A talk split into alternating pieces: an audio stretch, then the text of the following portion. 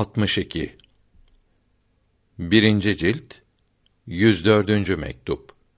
Bu mektup Perkene şehri kadılarına yazılmış olup baş sağlığı dilemektedir. Merhum Hazretin ölümünün acısı her ne kadar pek şiddetli ve çok çetin ise de kul için sahibinin işinden razı olmaktan başka çare yoktur. İnsan bu dünyada kalmak için yaratılmadı.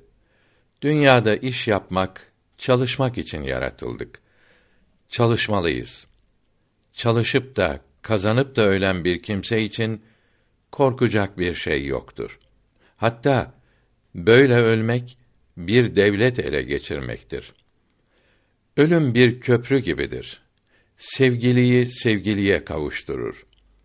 Ölmek felaket değildir. Öldükten sonra başına gelecekleri bilmemek felakettir.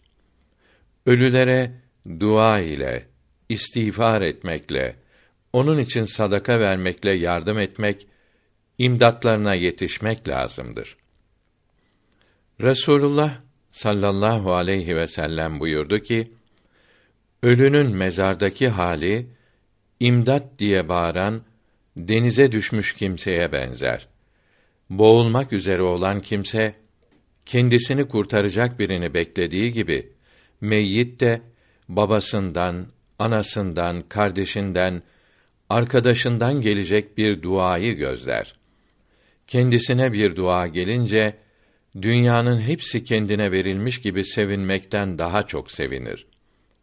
Allahü Teala yaşayanların duaları sebebiyle ölülere dağlar gibi çok rahmet verir. Dirilerin de ölülere hediyesi onlar için dua ve istiğfar etmektir.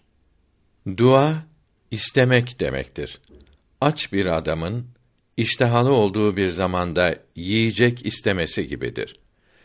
İman ile ölenlere hatmi tehlil yapmak yani yetmiş bin kelime-i tevhid okuyup sevabını ruhuna hediye etmek çok faydalıdır. Fakat bu zamanda iman ile giden pek azdır. Makamat-ı Masseriye'de diyor ki, hadisi i şerifte bir kimse kendisi için veya başkası için yetmiş bin adet kelime-i tevhid okursa günahları affolur buyuruldu. Maseri canı canan Kaddesallahu Teala sırrehül aziz Hazretleri fahişe bir kadının kabri yanına oturmuştu. Kabre teveccüh eyledi. Yani hatırına başka hiçbir şey getirmeyip yalnız onu düşündü. Bu mezarda cehennem ateşi var. Kadının imanlı olmasında şüphe ediyorum. Ruhuna hatmi tehlil sevabı bağışlayacağım. İmanı varsa affolur buyurdu. Hatmi tehlilin sevabını bağışladıktan sonra elhamdülillah imanı varmış. Kelime-i tayyibe tesirini gösterip azaptan kurtuldu buyurdu. Menahicül İbad'da diyor ki, yetmiş bin kelime-i tevhidi bir kimse veya birkaç kimse okur. Mekatib-i Şerife 120. mektubunda hatmi tehlinin dirilere de faydası çoktur buyurmaktadır. Süleymaniye Kütüphanesi İbrahim Efendi rahmetullahi teala aleyh kısmında 520 sayılı fetva kitabında diyor ki dua sessiz olur. Cuma namazından sonra cemaat ile dua yapmak cahilliktir.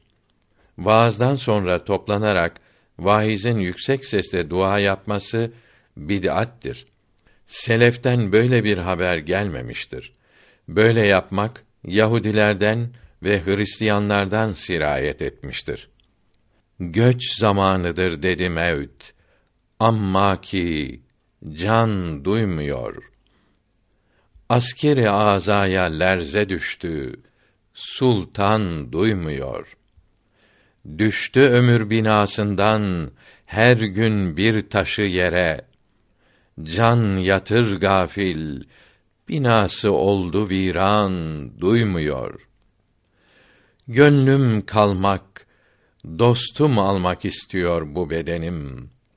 Bir devasız derde düştüm. Ah ki lokman görmüyor.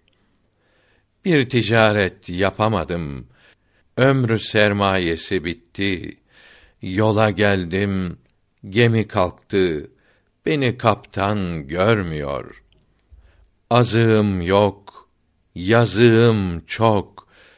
Yolda türlü korku var. Ahü figan eyliyorum. Divü şeytan duymuyor. Yol eri yolda gerektir. Çok sıkıntı çekse de ey Niyazi uyan sen de sanma canan görmüyor.''